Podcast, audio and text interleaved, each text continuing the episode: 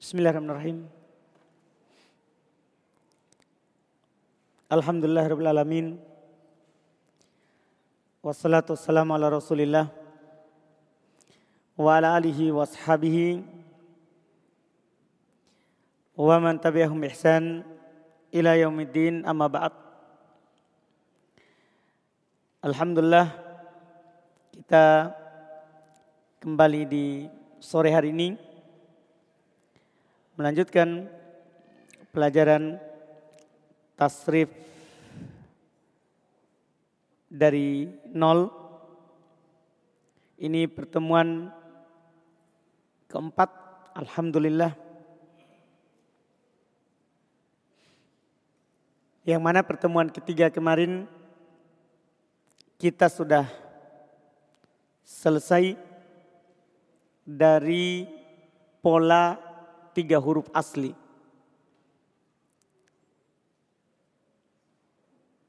Yang mana tiga huruf asli itu kita ulang sedikit.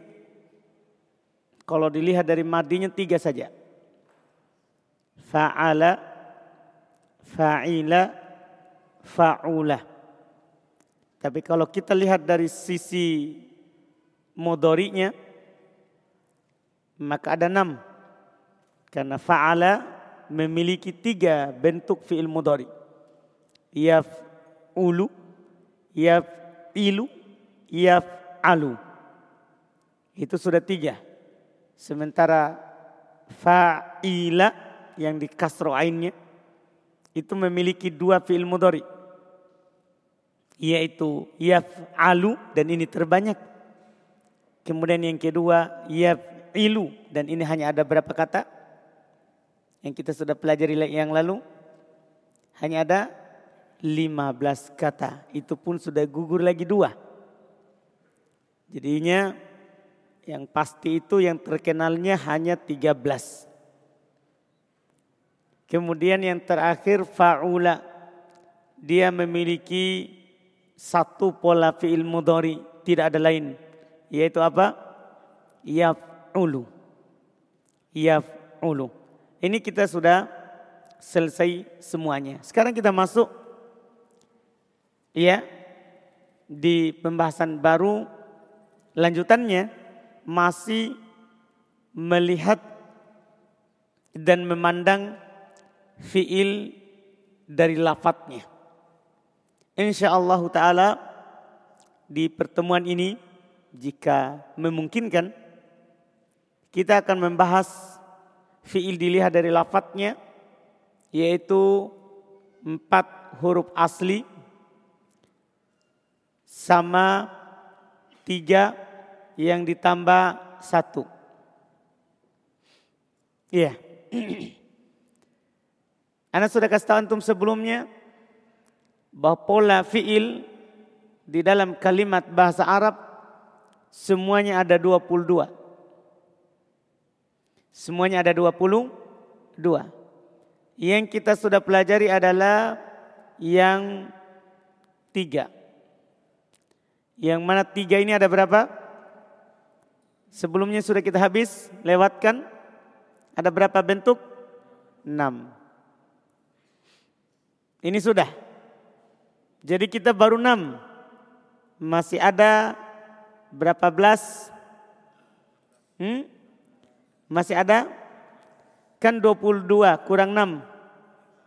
Hmm? Sisa 16. Nah, inilah kita akan pelajari kalau hari ini Ana berkeinginan kuat kita habiskan empat asli sama tiga yang ditambah satu. Kalau masih banyak waktu dan antum masih kuat kita tambah lagi setelahnya. Tapi ini target dulu. Iya. Empat sebelum kita baca di buku. Kalau ada kata empat asli, polanya itu hanya ada satu. Tidak ada duanya dalam bahasa Arab. Kalau ada kata, kita bilang ini empat huruf asli semuanya. Tidak ada tambahan. Maka bentuknya cuma ada satu. Artinya kalau antum dapat ini pola, sudah. Ini empat asli berarti. Ini berdasarkan penelitian. Cuman ada satu. Yaitu apa itu? Mereka sebutkan bentuknya adalah fa'lala. Kalau antum dapat kata bentuknya fa'lala. Maka itu empat asli. Paham kan? Iya. Empat asli. Supaya sempurna pengenalan antum terhadap empat asli ini. Karena di sana juga ada kata empat huruf polanya. Tapi tiga yang ditambah satu. Artinya tiga huruf aslinya kemudian ditambah lagi satu huruf. A ini ada tiga bentuk. Ini ada berapa bentuk? Tiga. Tiga yang ditambah satu huruf ini artinya asalnya tiga huruf kemudian ditambahkan satu huruf dari tambahannya. Maka ada tiga pola. Dengan ini nanti sempurna. Dari empat asli ini, kalau ditambah dengan tiga yang ditambah satu, itu jumlahnya nanti jadinya berapa? Empat. Hanya empat pola yang ada empat hurufnya. Kalau antum mampu menghafal empat ini dan memahami bentuknya, ini empat asli, ini bukan. Ini tiga yang ditambah satu. Maka antum telah kuasai fi'il yang jumlah hurufnya empat. Karena ini bentuk empat ini berdasarkan penelitian. Itu tidak salah lagi. Karena kalau ada yang kelima pasti mereka akan dapatkan. Tadi anak sudah kasih antum yang empat asli. Polanya fa'alalah. Sekarang ini yang tiga tambah satu. Anda bilang tadi ada berapa? Ada berapa? Tiga.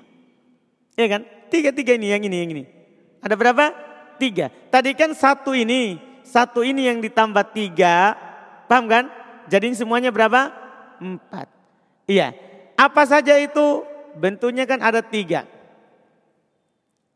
Pertama bentuknya adalah adalah af'ala. Yang kedua bentuknya adalah fa'ala.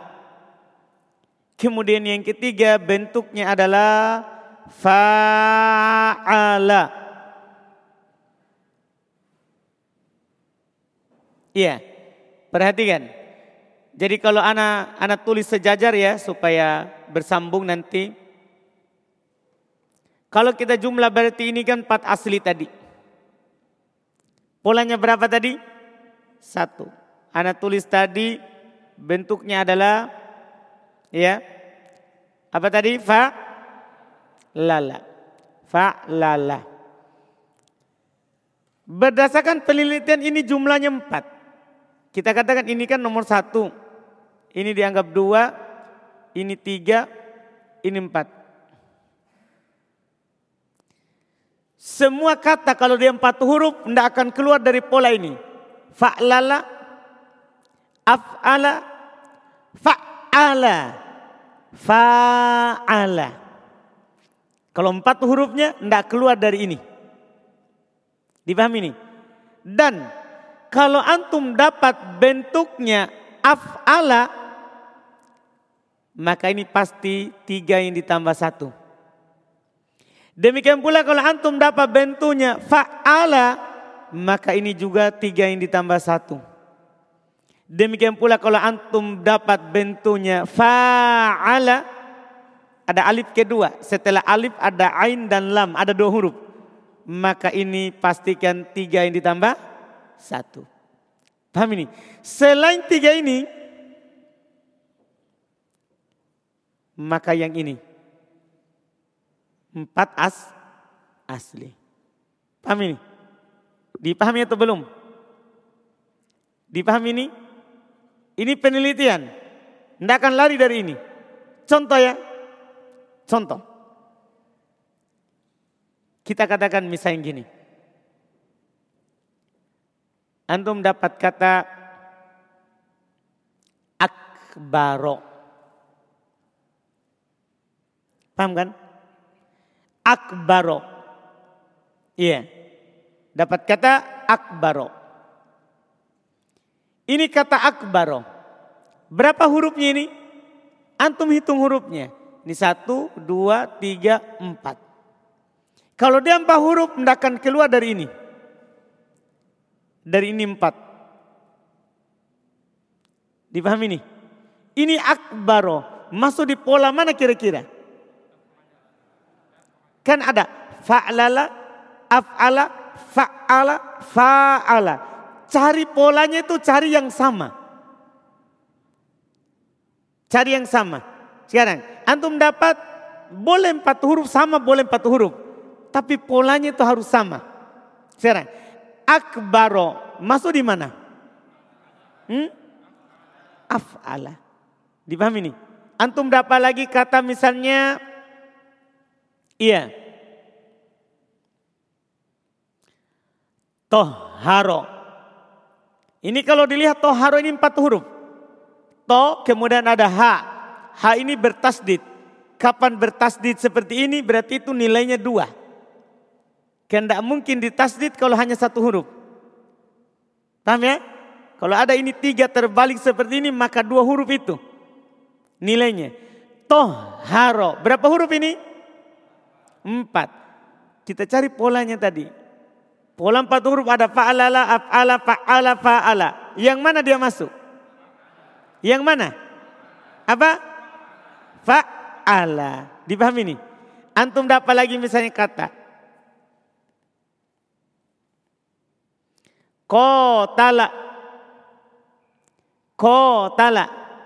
Ada alif, setelah alif ada dua huruf. Maka ini ada polanya, ini empat huruf jumlahnya. Polanya yang mana ini? Yang cocok? Hah? Apa? Fa'ala. Mantap. Tapi kalau antum dapat kata lagi dahroja dahroja apakah cocok dengan pola fa'ala dahroja tidak mungkin kan tidak ada alif kedua kan fa'ala harus ada alif huruf yang kedua apakah ada cocok untuk fa'ala?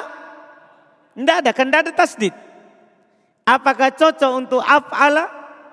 Hmm? Cocok? Tidak cocok, karena tidak ada hamzanya. Berarti yang mana? Fa'lala. Dipaham berarti? Berarti dahroja ini polanya apa?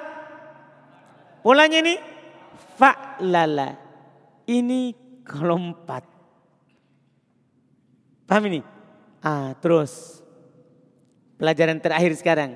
Setelah itu kita baca buku. Di buku itu artinya. Kalau kita ubah ke sini apa maknanya? Nah, sekarang antum harus kenali kalau polanya ini tiga ini, polanya tiga ini, maka itu bentuknya tiga tambah satu. Paham? Selain tiga ini, kalau tidak masuk di tiga ini dan hurufnya ada empat, berarti pastikan empat huruf asli. Paham? Kan hanya ada empat. Hanya aja berapa? Empat. Kalau tidak masuk di tiga yang ditambah satu, maka masuk di mana? Di empat huruf asli. Jelas? Jelas ini? Ah, masing-masing pola ini punya makna.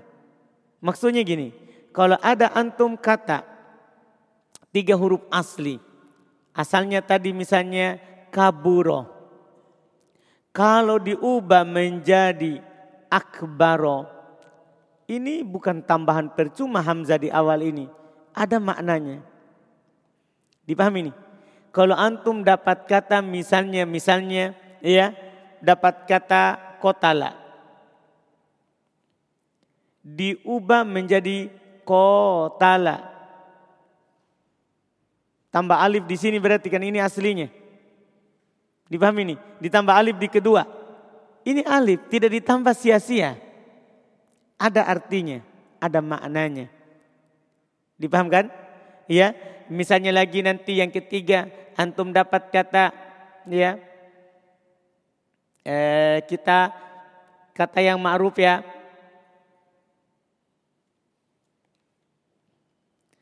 sabbaha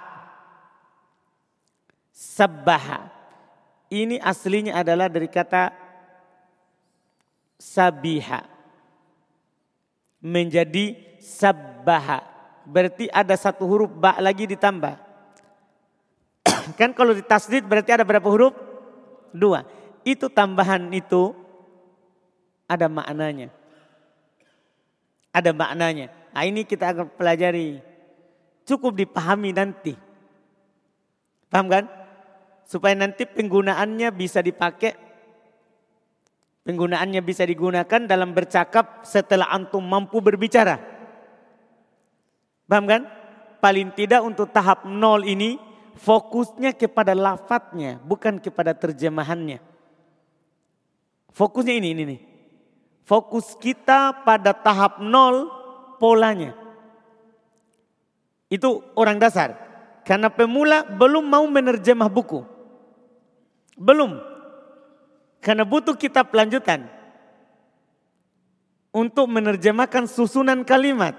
Kan nanti kalau satu kata enak saja. Lihat kamus jadi.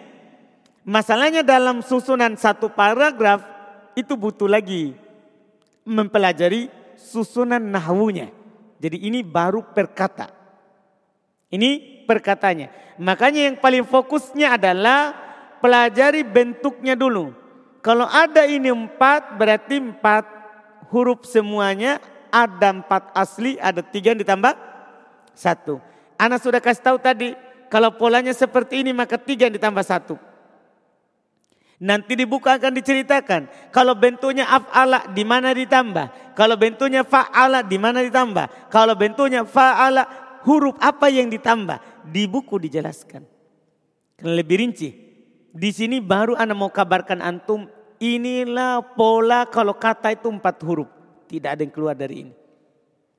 Antum paham ini? Kalau antum dapat kata, hitung hurufnya. Satu, dua, tiga, empat. Tidak akan keluar dari ini apakah fa'alala, af'ala, fa'ala, fa'ala. Jelas? Jelas ini? Ada pertanyaan sebelum kita baca buku?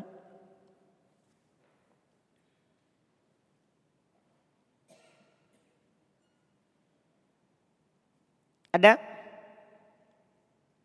Tidak ada. Alhamdulillah. Sekarang kita masuk. Fi'il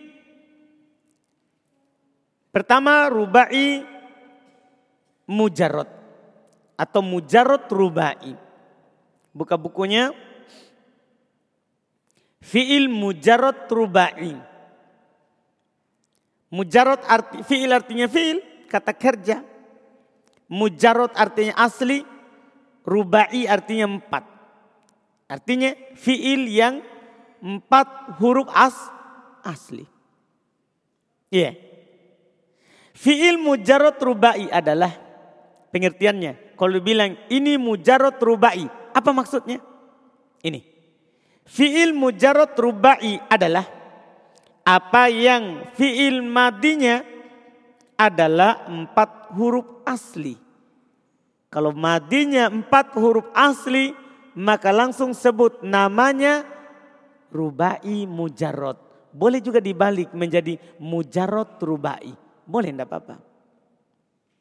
Itu diperhatikan namanya. Istilahnya.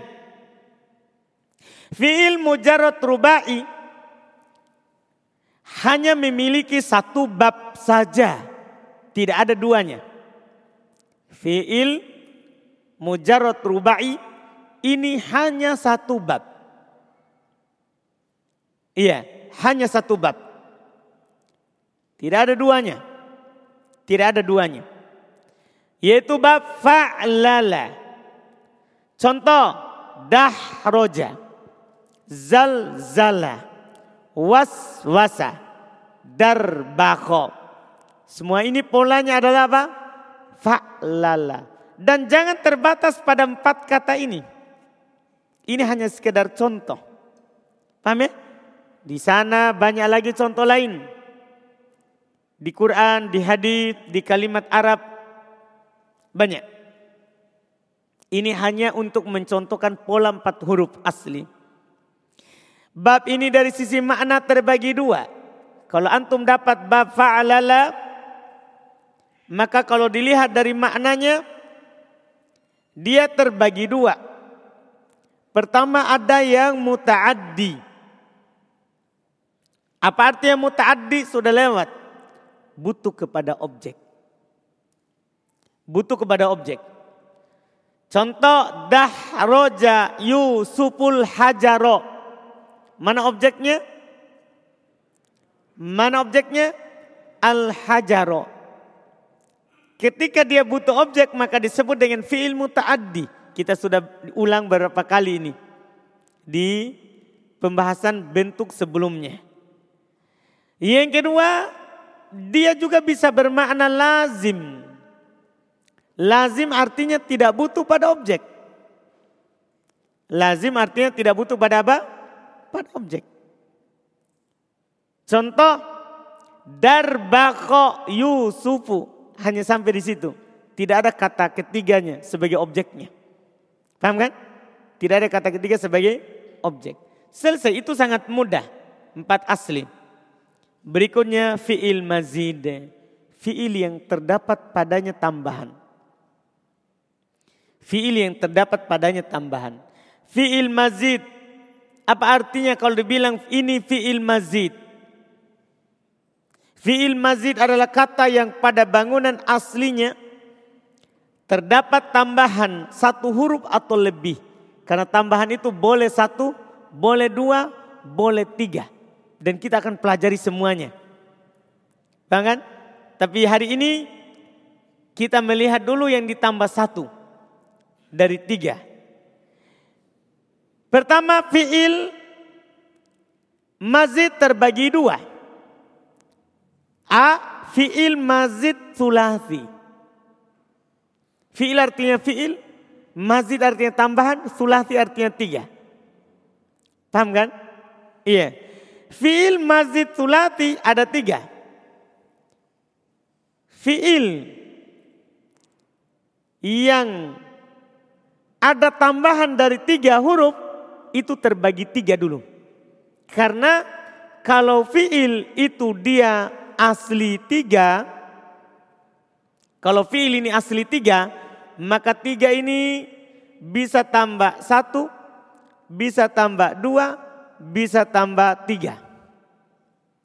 Paham? Maka dia terbagi tiga. Kenapa bisa tambah satu? Karena fiil bisa empat huruf. Kenapa bisa tambah dua? Karena fiil bisa lima huruf. Kenapa bisa tambah tiga? Karena fiil bisa enam huruf. Dan inilah ujungnya fiil tidak ada lagi fiil yang lebih dari enam huruf.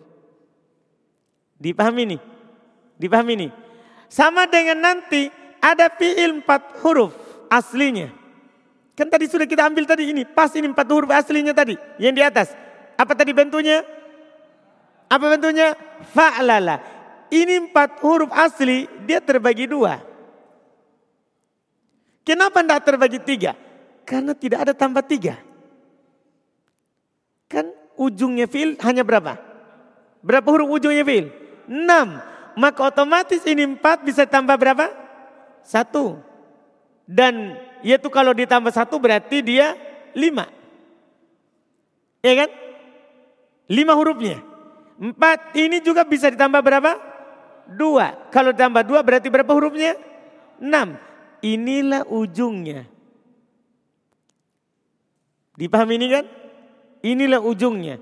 Ini nih, semua ini ini tiga asli, ini empat asli. Tiga asli sudah, saya ulangi enam. Empat asli alhamdulillah sudah genap tadi. Sudah ada tadi, sudah ada barusan. Ini baru kita bisa simpulkan. Empat asli tadi satu. Empat asli tadi berapa? Satu. Kemudian di papan anak sudah katakan sama antum. Tiga tambah satu tadi, tiga tambah satu tadi. Kan jadi yang berapa huruf? Empat huruf. Ada berapa tadi bentuknya, polanya? Ada berapa tadi polanya? Tiga. Kita masih pelajari yang ini nanti. Belum. Masih panjang perjalanan, antum butuh sabar. Paham kan? Butuh sabar. Kita pelajari sedikit demi sedikit. Iya. Sedikit demi sedikit. Dan butuh kesabaran. Jangan mundur. Karena belajar sorof itu terus terang membosankan. Orang akan mundur dari nol. Orang akan mundur dari nol. Karena dia tidak membahas bagaimana orang langsung bisa bercakap. Dia membahas perkata dulu. Kalau dia bersabar, dia akan bisa bercakap setelahnya. Kan nanti tinggal mempelajari bagaimana cara menyusunnya. Menggunakannya. Tapi orang biasanya bosan kenapa? Karena hanya ini terus dibahas. Dipahamkan? Nah, butuh sekali lagi kesabaran. Iya jangan mundur. Jadi sekarang ini yang kita pelajari ini. Empat asli sudah sekarang ini tiga yang ditambah satu yang ini kita pelajari. Tadi kita sudah bilang ada berapa jumlahnya? Tiga.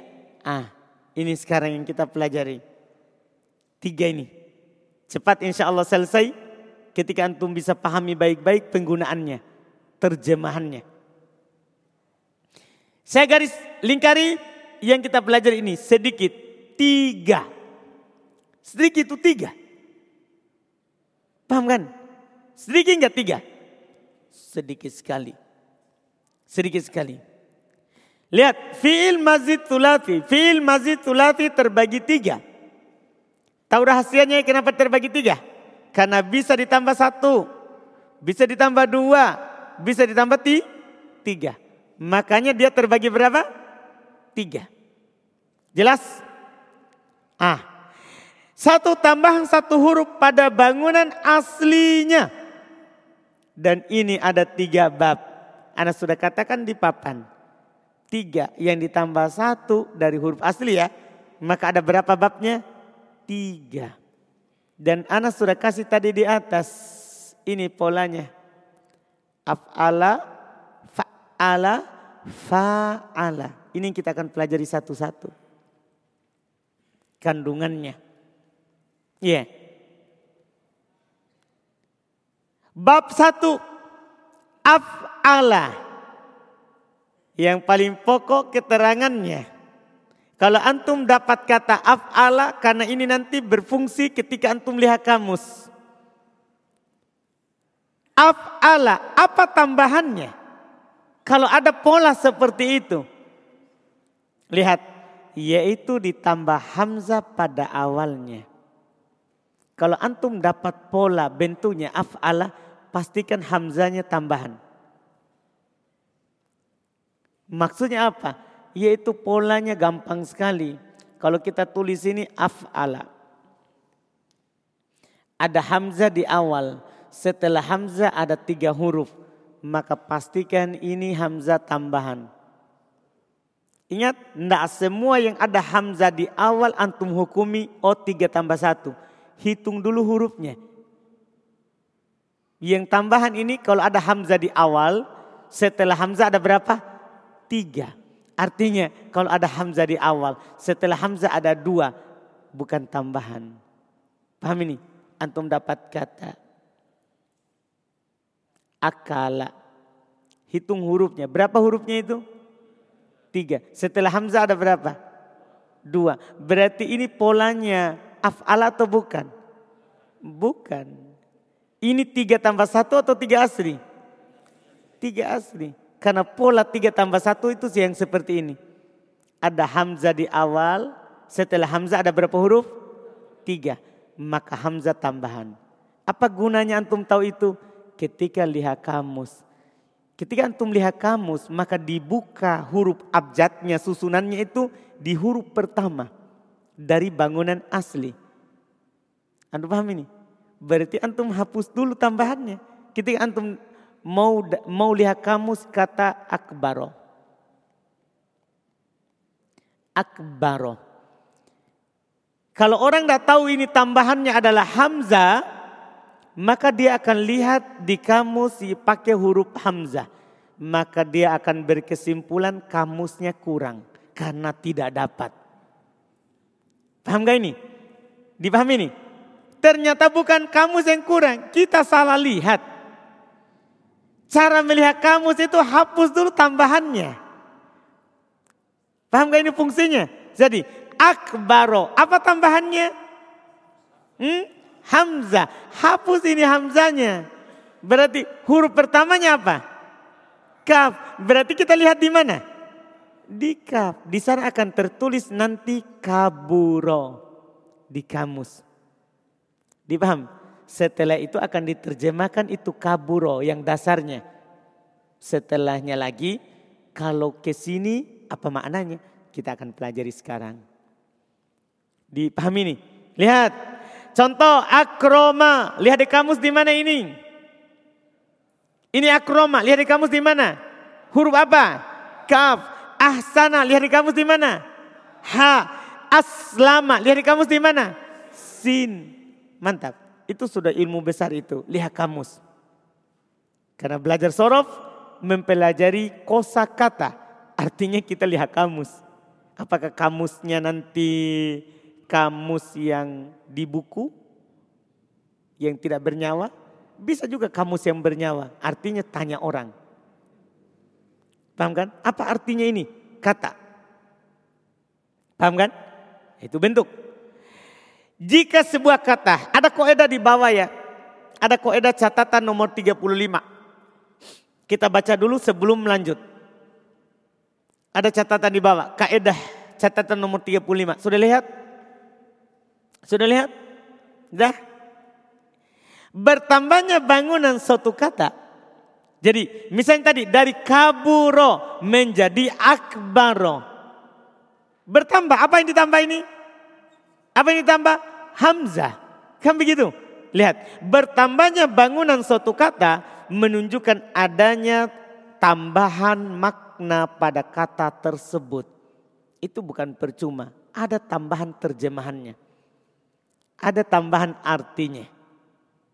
Bahkan yang lebih aneh nanti Masya Allah penggunaannya ini, pola ini. Nanti bisa isim antum jadikan fiil. Bisa. Dengan makna yang ada. Bisa. Paham gak ini? Jadi pola af'ala, ini pola nanti pola ini af'ala Tidak khusus untuk fiil. Bisa nanti dari fiil, bisa juga dari apa? Isim. Yang penting tiga huruf tambah satu. Dipahami nih. Dan ada artinya berubah. Kita lihat, baca di buku, lihat-lihat. Jika sebuah kata diubah ke dalam bab ini, maka dia memiliki beberapa makna.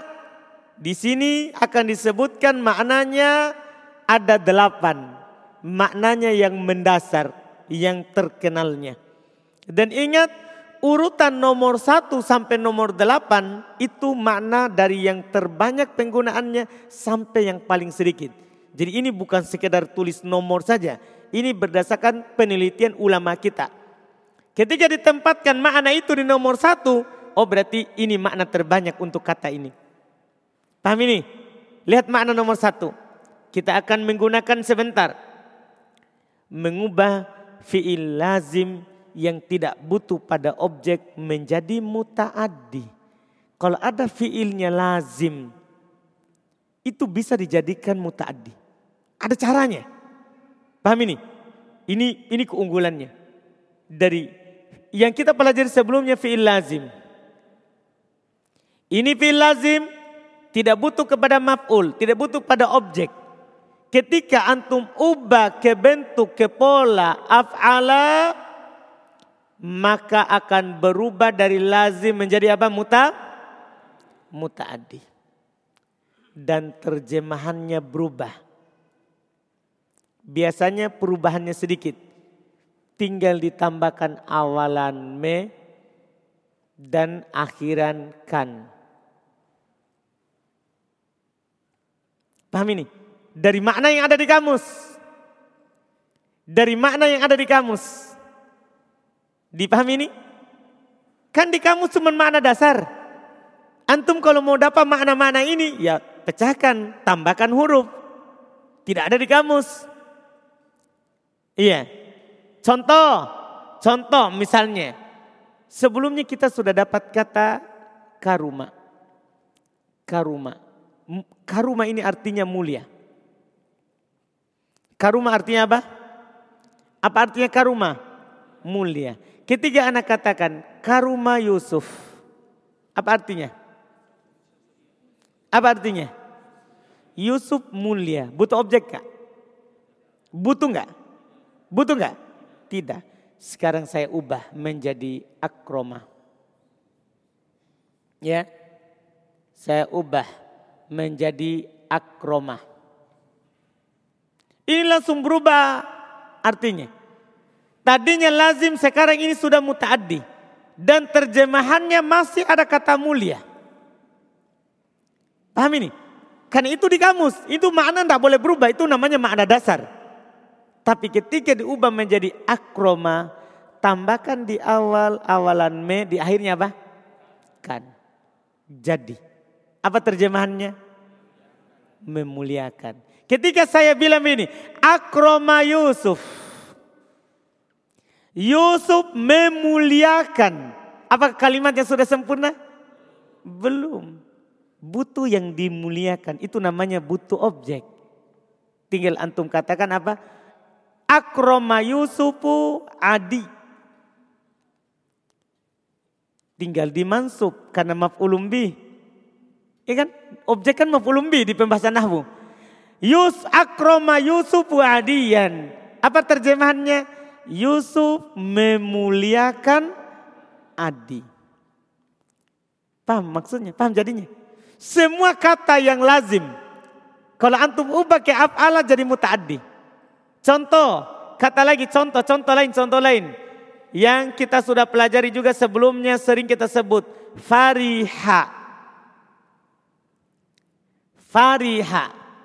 Terjemahannya apa fariha? Siapa yang pernah dengar sebelumnya? Hmm. Fariha. Sudah pernah lewat ini kata? Hmm? Lawan dari sedih. Hmm? Gembira atau apa? Bahagia. Ini terjemahan dasar. Dipahami ini? Ketika Anda bilang Fariha Adi. Adi bahagia. Sudah sempurna? Sudah sempurna? Tapi kalau saya ubah menjadi af'ala. Menjadi apa? Af'ala. Maka Fariha akan menjadi apa? af akan menjadi apa? Akan menjadi apa? Afroha. Afroha. Apa terjemahannya? Tambahkan kata awalan me akhiran kan. Berarti apa jadinya? Membahagiakan. Kalau anak bilang akro afroha adi. Berarti apa artinya? Afroha adi. Apa terjemahannya afroha adi? Hah? Adi membahagiakan. Berarti butuh orang yang dia bahagiakan. Istrinya kah? Dah. Paham gak ini? Atau apanya yang dia mau bahagiakan? Paham kan? Misalnya dia mau bahagiakan Aji Muklis. Ya, tinggal antum tambahkan Aji Muklis. Di, di, dipahami nih? Dipahami nih? Paham atau belum? Paham atau belum? Lihat perubahan maknanya. So, satu kata lagi, satu kata lagi. Supaya antum paham, kalau berubah ke sini, berubah terjemahan. Misalnya ada kata yang sering juga kita sebut sebelumnya kaburo. Apa artinya kaburo? Kaburo, besar. Besar. Ini mohon maaf tulisannya terlalu ya sulit dibaca. Hmm, saya sering bilang tulisan orang susah dibaca, tapi tulisan sendiri susah juga dibaca. iya. Hmm, mau apa Pak? Ini dari dulu seperti itu. Iya. Ini kabur artinya besar. Artinya besar. Tapi kalau antum ubah menjadi af'ala, menjadi akbaro, itu terjemahannya langsung berubah. Besar menjadi apa? Membesarkan. Paham terjemahannya? Paham terjemahannya? Ini baru makna pertama ini Pak. Ini ada delapan makna. Tapi ini yang paling banyak penggunaannya. Karena nomor satu. Sudah? Paham makna yang pertama? Di buku contohnya satu saja. Di papan kan dikasih banyak supaya antum paham. Kalau di buku supaya tidak tebal. Karena kalau tebal mahal harganya. kan kasihan antum. Iya. Ini masalah. Masalah besar. Iya. Karena kita kalau masalah agama pikir kalau mahal. Tapi kalau dunia tidak pikir. Itulah kita. Iya. Selesai. Mana yang kedua? Tapi baca dulu di buku. Contoh. Khoroja Yusuf. Khoroja. Lazim atau muta'addi. Itu pertanyaan pertama. Hmm? Lazim atau muta'addi? Lazim. Karena keluar dilakukan oleh seluruh anggota badan. Dia lazim. Diubah menjadi akhroja Yusuf. Yusuf mengeluarkan kitaban buku. Langsung butuh itu. Mengeluarkan. Dipahami ini? Selesai. Satu contoh saja. Demikian seterusnya. Maksudnya silakan antum buat contoh-contoh yang yang lain. Contoh-contoh yang lain. Makna yang kedua.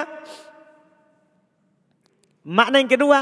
Bermakna masuk pada suatu waktu atau tempat. Kalau antum ubah sebuah kata ke pola af'ala, maka tambahkan terjemahannya kata masuk. Paham? Apakah tempat itu bermakna tempat atau waktu? Contoh, saya bilang begini. Contoh, tempat. Baitun. Yang antum sering, ini baitun. Baitun itu isim. Tapi kan bisa dibuat ke sini kalau antum tahu maknanya. Yang penting aslinya tiga huruf. Baitun. Apa maknanya baitun? Hah? Apa maknanya baitun? Baitun maknanya rumah. Baitun maknanya apa? Rumah. Kalau saya ubah menjadi abiata. Itu berubah maknanya. Apa jadinya?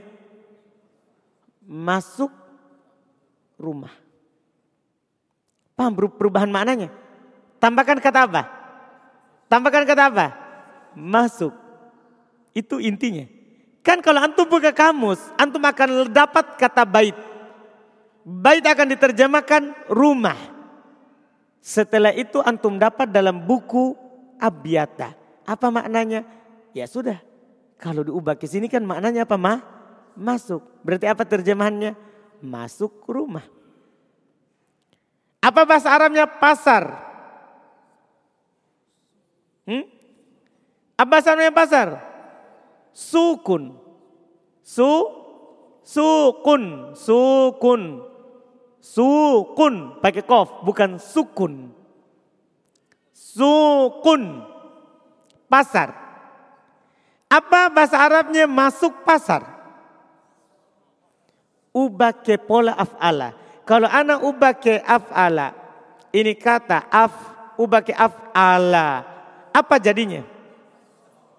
Apa jadinya? Ulang. Ulang. Ulang. Maka akan jadi aswako. Aswako. Maka terjemahannya apa? Hmm? Apa terjemahannya? Suk artinya pasar. Kalau aswako? Masuk pasar. Paham ini? Contoh lain lagi. Laut. Lihat Pak Darwi, Darwis ingat laut. Laut, apa bahasa Arabnya laut? Hmm. Bahasa Arabnya dulu laut. Sebentar kita bisa tahu apa bahasa Arabnya masuk laut. Hmm, apa bahasa Arabnya laut? Hmm? Apa? Bahrun. Eh? Bahasa Arab bahasa Arabnya laut adalah bahrun. Bahrun. Ya, bahrun pakai hak. Bahrun. Apa bahasa Arabnya misalnya Adi masuk laut. Ubah ini bahar menjadi af'al. Itu jadi maknanya masuk. Apa jadinya? Hah? Apa jadinya ulang? Aba? Ahbaro. Jangan dibalik hurufnya. Al? Abaharo a adi. Apa jadinya nih? Apa maknanya nih? Adi masuk laut. Masya Allah. Tenggelam. iya. Jelas berarti? Sekarang ini kan tempat. Semua tempat bisa antum ke situ. Yang penting tiga huruf. Jangan cari. Kalau begitu apa masuk masjid? Oh masjid. Ya hitung hurufnya. Masjidun. Berapa huruf? Hah? Empat. Tidak cocok. Kan kita cari yang berapa huruf? Harus yang tiga. Paham gak ini? Sekarang ini kan masuk tempat. Sekarang masuk waktu. Antum tinggal subuh. Subuh. Apa bahasa Arabnya subuh? Subuh, subuhun. Sudah subuh bahasa Arab itu. Subuhun. Bahasa Arabnya. Kalau masuk waktu subuh. Ah. Apa? Ubaki af'ala. Menjadi? Ah. Langsung asbaha. Terjemahannya langsung apa? Masuk waktu subuh. Duha, duha. Apa bahasa Arabnya duha? Ya itu bahasa Arabnya itu. Iya, duha. Kalau masuk waktu duha, duha, masuk waktu duha, tinggal antum ubah menjadi apa? Adha, adha. Sudah, apa terjemahannya itu? masuk waktu duha. Jadi perhatikan tambahkan kata apa? Masuk dalam terjemahannya. Kalau tadi tambahkan awalan me akhiran kan. Ini bukan awalan akhiran. Ini satu kata antum tambah. Paham makna yang kedua? Paham, paham makna yang kedua? Iya, makna ketiga. Ter, baca dulu. Lihat contoh di situ, contoh asbah Yusuf Yusuf masuk di waktu subuh. Amsa Yusuf, Yusuf masuk di waktu sore. Abharo Yusuf, Yusuf masuk ke laut.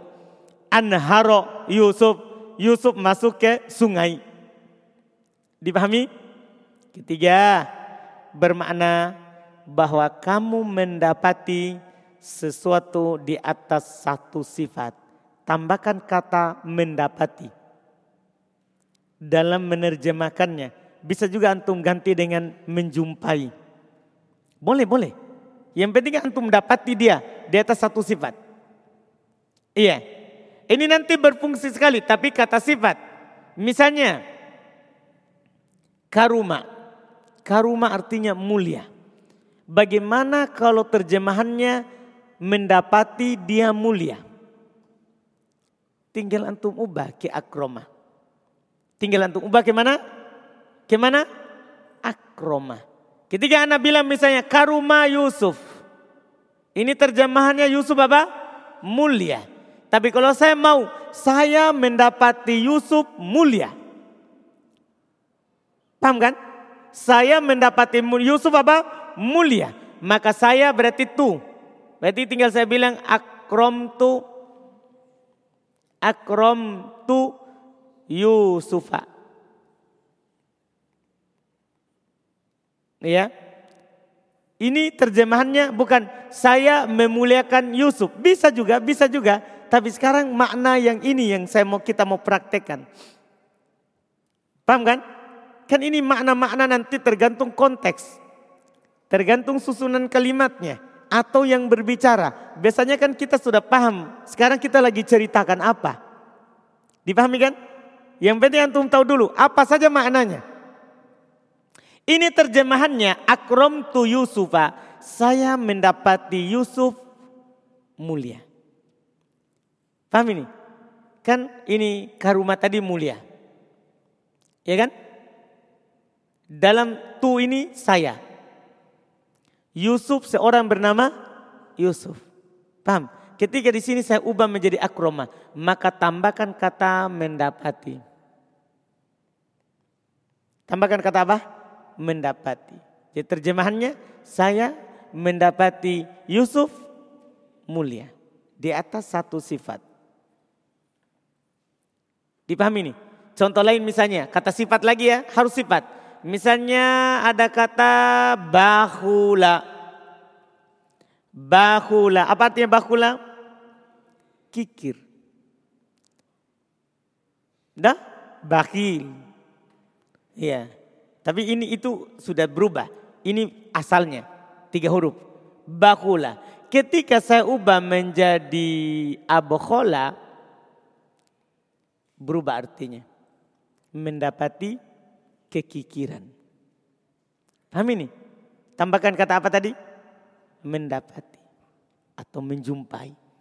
Ah, ini semua makna ini nanti butuh praktek.